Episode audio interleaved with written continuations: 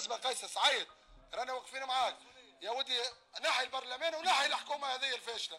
رانا الشباب معاك. في شارع الحبيب بورقيبة القلب النابض لمركز تونس العاصمة تتحول زيارة خاطفة لرئيس الجمهورية التونسية قيس سعيد من زيارة عادية جدا إلى مشاركة واضحة في مظاهرات قادتها جحافل عظيمة من الناس. هؤلاء كانوا يهتفون ويطالبون بحل البرلمان التونسي الحالي.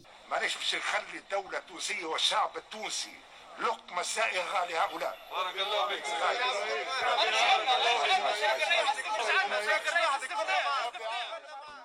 يريد البرلمان يريد اسقاط البرلمان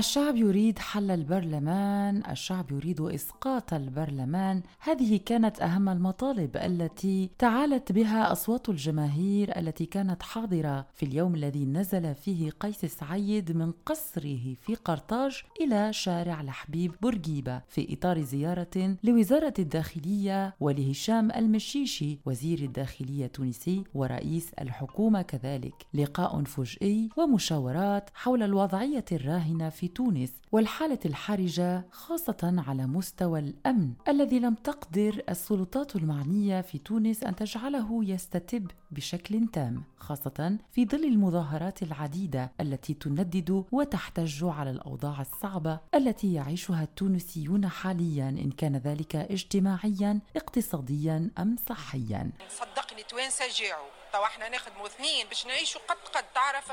توا كنت نحكي مع الراجل ولينا ناخذوا كيلو تفاح باش يشدنا عائلة كعبة ناكلوها نقسموها براج. لانزاس ب 12 دينار نغزر له بعيني ما جمش نشريه اللي نحبه اللي قبل كنا نشريو فيه ما يفوتش 4000 3000 وشوية. الدجاج ولينا نستحفظوا اللحمة قد هكا نحطوا فيها ياسر معناها ياسر. أنا اللي راه فيه البلاد هذيا اللي شادينها مش فاهمين الشعب هما في ناحية والشعب في شيخ. مش فاهمين الضوء زاد ياسر علينا يجي غالي ياسر. ياسر معناها والماء شنو 150 دينار ماء. أنا نشربوا في الصافيه هذاك ما يتشرب نسيقوا ونمسحوا ذولي باش نولي نعملوا بالصافيه خير يظلي فهمتني ياسر؟ أنا واحدة من الناس مريضة قسما بالله عطاتني رونديفو باش نرجع بعد شهرين معناها باش نعمل كونترول ما حبيتش نرجع. اولادي آه يقراو. آه شتي داخل 60 دينار ياسر علينا طب زاد 60 دينار. هكا عاود شريت الدواء هو بيدو هكا هو قاعدة ناخذ فيه بنيتي. ما عادش خالتين طا واحد باش يكسي ولادو ما ينجمش. الفريب ما عادش حتى تلقى فيه الحاجة الباهية قبل كنا شايعانين في الفريب. تكسي روحك كبوت تدرى شنيا مراول تو ما فماش فريب. حتى الفريب مقصوص ما عادش فما. غالي غالي ولا وحتى كان تلقى غالي الفريب معناها بصراحة جعنا برشا عباد جعانين يلقطوا في الزبلة. معناها زبابز. شيء معناها بصراحة ياسر ياسر ما نعرفش وين ماشيين. بصراحة اللي شادينها يلزم ناس كفاءات. وكهو في الاقتصاد في الدنيا يلزموا يهبطوا الواقع. أنا اللي ريته حسب أنا وعندنا جروب ياسر في الفيسبوك. المرة الأخرى حاطين تصاور المسؤولين التوانسة كي يشدوا بقعة يوليوا بيض شبابات السمان يلبسوا بالكدا البرا أنا ريت ماكرون كيما رئيس أمريكا كيما برشا اضعافوا يجريوا مع شعبهم يهبطوا الميدان يشوفوا يجريوا. هاكم ضعافوا كلهم وحدكم قارنوهم. أحنا يولي مسؤول يولي كانوا هو في بلاد أخرى وإحنا في بلاد أخرى. يقول لك نقص إيش نقصوا؟ أنا ولينا ندوروا نسكروا في الضوء. أنا ولينا معناها ياسر بصراحة ياسر عمري ما ريت. هذا شيء بعد الثورة بصراحة تعذبنا متنا آه، جوعنا. آه، وديما في الغلاء ديما في الغلاء تنقص الضوء تجيك هي بيدها. تنقص الماء هي بيدها. معناها بصراحة ياسر ياسر ربي إن شاء الله يسترنا وين ماشيين وكاو وفي ظل ظروف كهذه مثلما كانت تصف لنا المواطنة التي كانت تتحدث صعوبتها في تونس حاليا تميزت هذه الفترة خاصة في تونس بغياب من يمكنه أن يقترح الحلول. مداولات مجلس النواب في تونس تبث يوميا بشكل مباشر على التلفزة الوطنية التونسية. ولكن هذه الجلسات المختلفة بين أعضاء مجلس النواب التونسي سريعا ما تتحول في 70% من الحالات إلى فرصة للعراك والتقاذف بالاتهامات المختلفة وغياب تام السيطرة. بفضل بفضل بفضل سي سيف سي تفضل سي تفضل سي ولا القاعه لا بفضلك سي شنو الحالة هذه؟ لكن الناس تفرج فينا على الخصومات. ساير أنت سي حاتم. أجي ساير أنت جالس أجي أجي ساير أنت سي حاتم. شنو الحكاية هذه؟ مرفوض اللي جاء سي سيف الدين مخلوف اللي قلته غير مقبول. غير مقبول نقد لاذع خصومات يومية وتشكيات بالجملة. من هذا النسق المتصاعد للخصومات المتتالية بين أعضاء مجلس النواب التونسي على اختلاف كتلهم الحزبية التي يمثلونها والتي يدافعون عن منطقها وأفكارها. وفي ظل كل هذا ما ينفك المواطن التونسي يرفض هذه الوضعية ويرفض تواصل العمل داخل المجلس بهذه الطريقة. لا مكان لاشخاص قادرين على إيجاد الحلول وحتى إن وجدوا هناك عدد كبير من النواب غير قادرين على ترك الفرصة لهم كي يحولوا هذه الحلول المكتوبة إلى حلول ملموسة على أرض الواقع. بغاية تغيير هذه الوضعية الصعبة للمواطن التونسي وإخراج البلد من عنق الزجاجة. خلينا نحكيو في مواضيع زملائي وإن شاء الله تكون عندكم رحابة الصدر باش تقبلوا النقد. نحكيو على الشعب التونسي كيفاش يغزرن. يغزرنا كل يوم نسبوا في بعضنا. علاش كل يوم نسبوا في بعضنا؟ يليتهم كانت مواضيع متاع رؤى ومشاريع وفكرة بفكرة وحل بحل. لا. فما جماعة عنا هوني للأسف حاطين أنفسهم في بلاصة الذات الإلهية. واعتبروا أنفسهم يمثلوا الإسلام. فما جماعة آخرين معتبرين أنفسهم يمثلوا المدينة الفاضلة. هما ملائكة منزلين وجباء والبقية كلهم جرمة. لا محكمة لا حد شيء. هما المدينة الفاضلة والبقية الكل على مراد الله. فما جماعة آخرين قال لك نحن الدولة الوطنية. نحن بورقيبة. نحن دولة الاستقلال. وأنتم الكلكم جماعة بيوعة على مراد الله.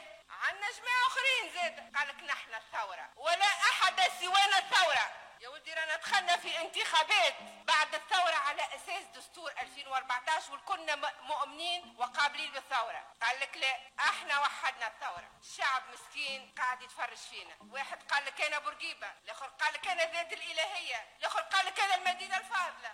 والآخر قال لك أنا الثورة. الشعب وين؟ الشعب وين من هذا الكل اللي يستنى فينا باش نلقاو له حلول المصايب اللي يعيش فيها كل يوم؟ المرأة اللي مشينا لها في الانتخابات والكل نعطيناها نفس الوعود ويني؟ اللي تخرج الخمسة متاع الصباح يبراكيوها يفكوا لها فلوسها. المرأة الأخرى اللي تجي مسكينة من متاع الصباح. تركب في النقل يتقلب عاملة فلاحية يتقلب بها ويخلي تخلي أولادها يتامى ويني هدية من عركة اللي ما بيناتنا. وينو كالراجل المريض بالكونسير اللي ما لقاش الدواء؟ وينو منا إحنا في عوض نقدموا رؤية وحل؟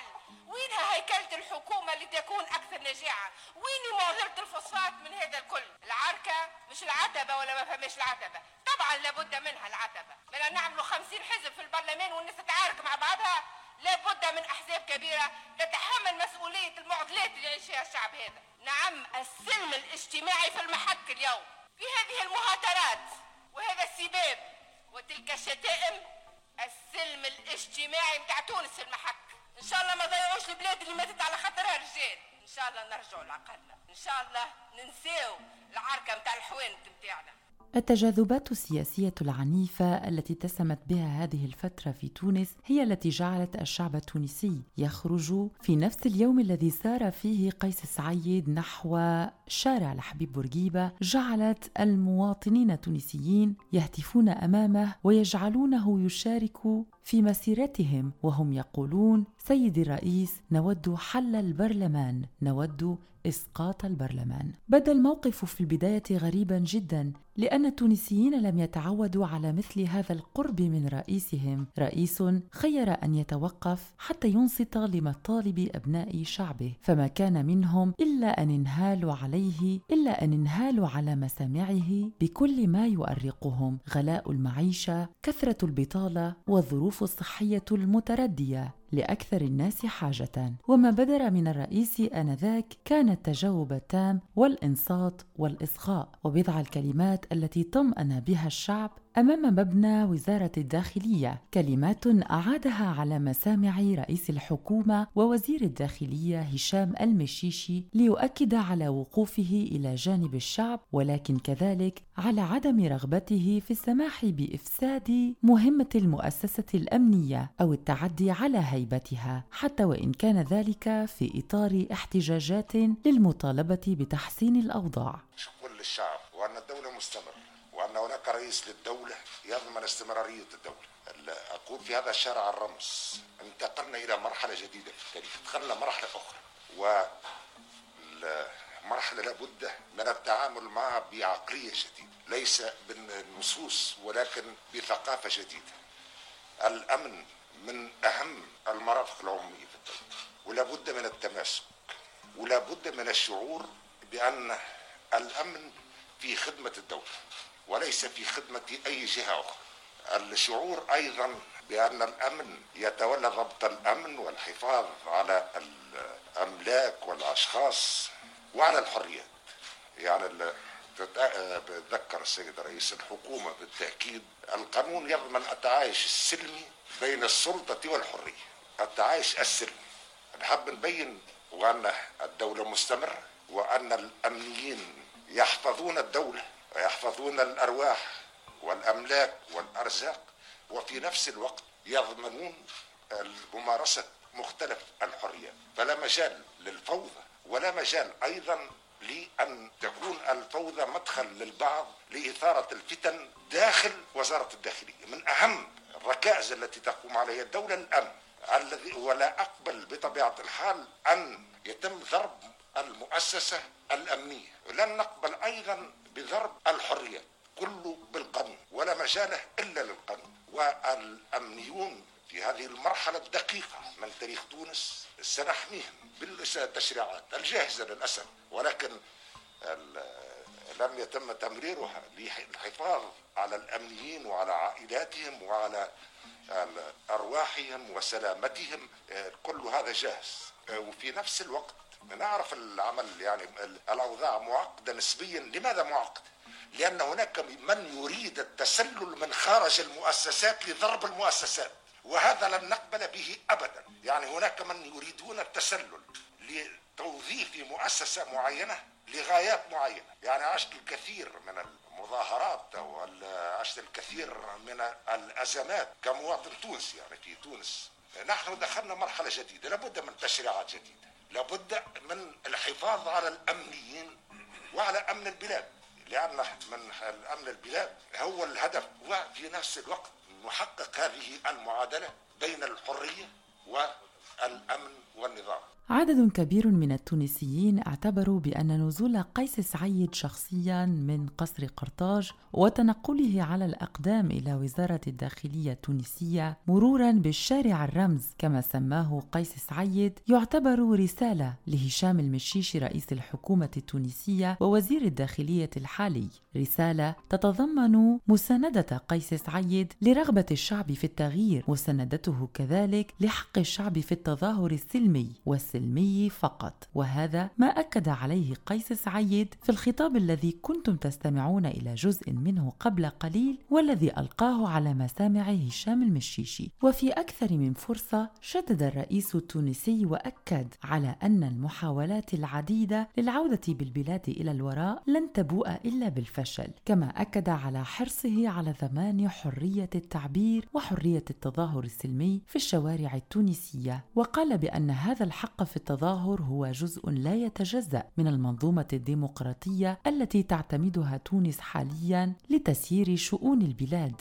وهناك شق آخر من التونسيين من فهموا أن زيارة الرئيس قيس سعيد إلى شارع لحبيب بورقيبة هي زيارة تأتي في شكل رد واضح على موقف راشد الغنوشي الذي أكد في تصريح له بأن دور رئيس الجمهورية سوري لا غير. وبنزول قيس سعيد إلى الشارع التونسي واختلاطه بالتونسيين للاستماع إليهم واكتشاف ما يؤرقهم فحواه على ما يبدو وكما قال البعض هو رغبة رئيس الجمهورية التونسية في تمرير هذه الرسالة إلى راشد الغنوشي. وهنا يجب أن نذكر بأن هذه المرة الثانية التي ينزل فيها الرئيس قيس سعيد إلى الشارع التونسي في الفترة الأخيرة والتي يسمع فيها دعوات لحل البرلمان والأحزاب. وهذا فيه رسالة يؤكد من خلالها رئيس الجمهورية التونسية بأنه رافض للاستهداف البرلماني الأخير حتى يؤكد على شعبيته واقترابه من الناس وقدرته على التحدث إليهم من دون حواجز ومن دون بدون خوف وإظهار أن الغضب الشعبي هو على الطبقة التي تحكم منذ سنة 11 و2000 وأما في الفترة الأخيرة وفي حركة تضامنية مع الرئيس قيس سعيد الذي كما قلنا تعرض لشبه حملة تشويهية شارك العشرات من الشباب في وقفة تضامنية مع الرئيس التونسي وذلك لمناهضة فكر الإقصاء الذي يمارس عليه من قبل أطراف معينة.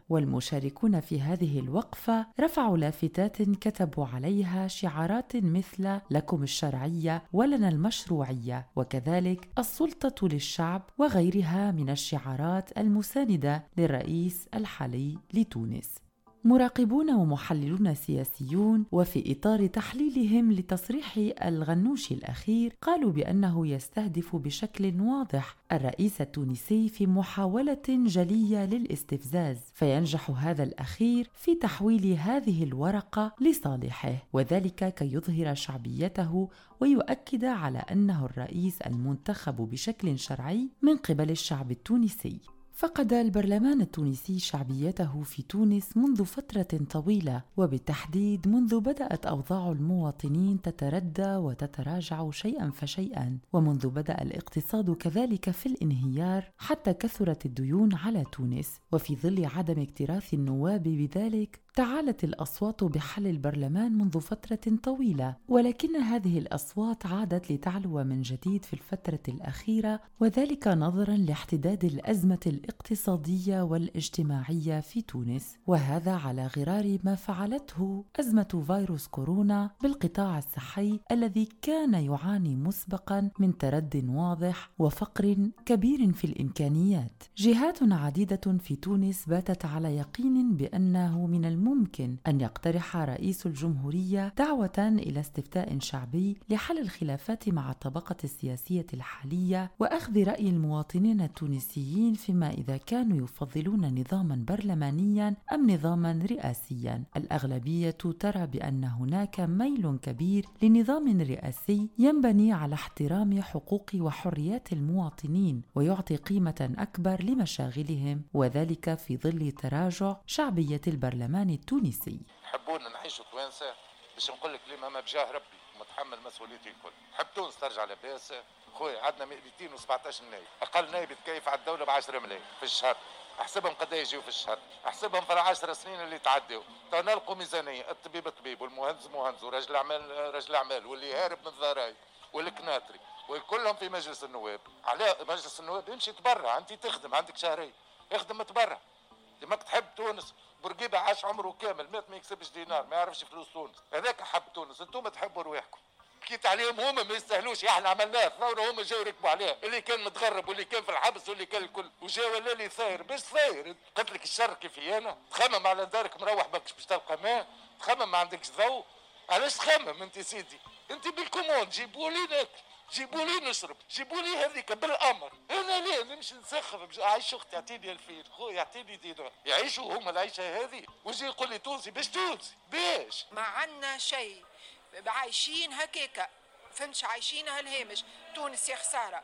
تونس فيها الخيرات الكل اللي في الدبابز هذوك كأن هما عملوا لهم مشاريع في بلادهم. راهم يلموا في كلافز وسفناريا وبطاطا ومعدنوس مش يلموا في دبابز في الوسخ وفي الخمج مساكن وهكاكا وإحنا عندنا بلادنا فيها متوسطة تونس متوسطة normalement فيها كل شيء عندنا كل شيء باهي normalement نعيشوا خير من برشا عباد لازم يشدوها يعرفوا كيفاش يشدوها.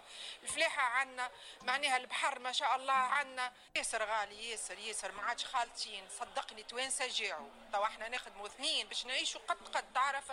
توا كنت نحكي مع الراجل ولينا ناخذوا كيلو تفاح باش يشدنا عائلة كعبة ناكلوها نقسموها براج. لانزاس ب 12 دينار نغزر له بعيني ما جمش نشريه اللي نحبه اللي قبل كنا نشريو فيه ما يفوتش 4000 3000 وشوية. الدجاج ولينا نستحفظوا اللحمه قد هكا نحطوا فيها ياسر معناها ياسر. أنا اللي راه فيه البلاد هذيا اللي شادينها مش فاهمين الشعب. هما في آه، ناحية والشعب في شيخ. مش فاهمين الضوء زاد ياسر علينا يجي غالي ياسر معناها والماء شنو 150 دينار ماء هذا ما تعيشه تونس اليوم. ظروف اقتصادية صعبة جدا وطبقة سياسية تعاني أزمة محتدة في النقاش ما بين أحزابها. هذان العاملان بالتحديد هما اللذان جعلا من إمكانية الاستفتاء مطروحة شعبيا في تونس وذلك لإيجاد حلول لحلحلة هذا الوضع المتأزم الذي يؤثر على كل شرائح المجتمع التونسي. ما رأيكم أنتم مستمعين في الوضعية الاقتصادية الاجتماعية والسياسية خاصة التي وصلت إليها تونس؟ وهل ترون بأن تغيير النظام في تونس من برلماني إلى رئاسي ممكن في هذه الفترة من خلال استفتاء مرتقب؟ ننتظر كل تعاليقكم وتفاعلكم تحت الحلقة حلقة اليوم من بودكاست في عشرين دقيقة. شكرا لكم على المتابعة وإلى اللقاء.